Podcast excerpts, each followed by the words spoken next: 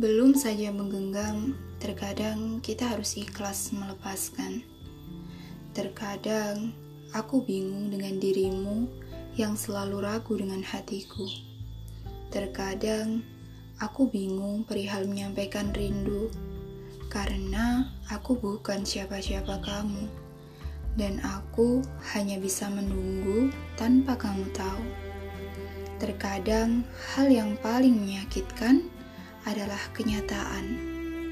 Ketika aku harus menerima jika hatimu hanya untuk dia.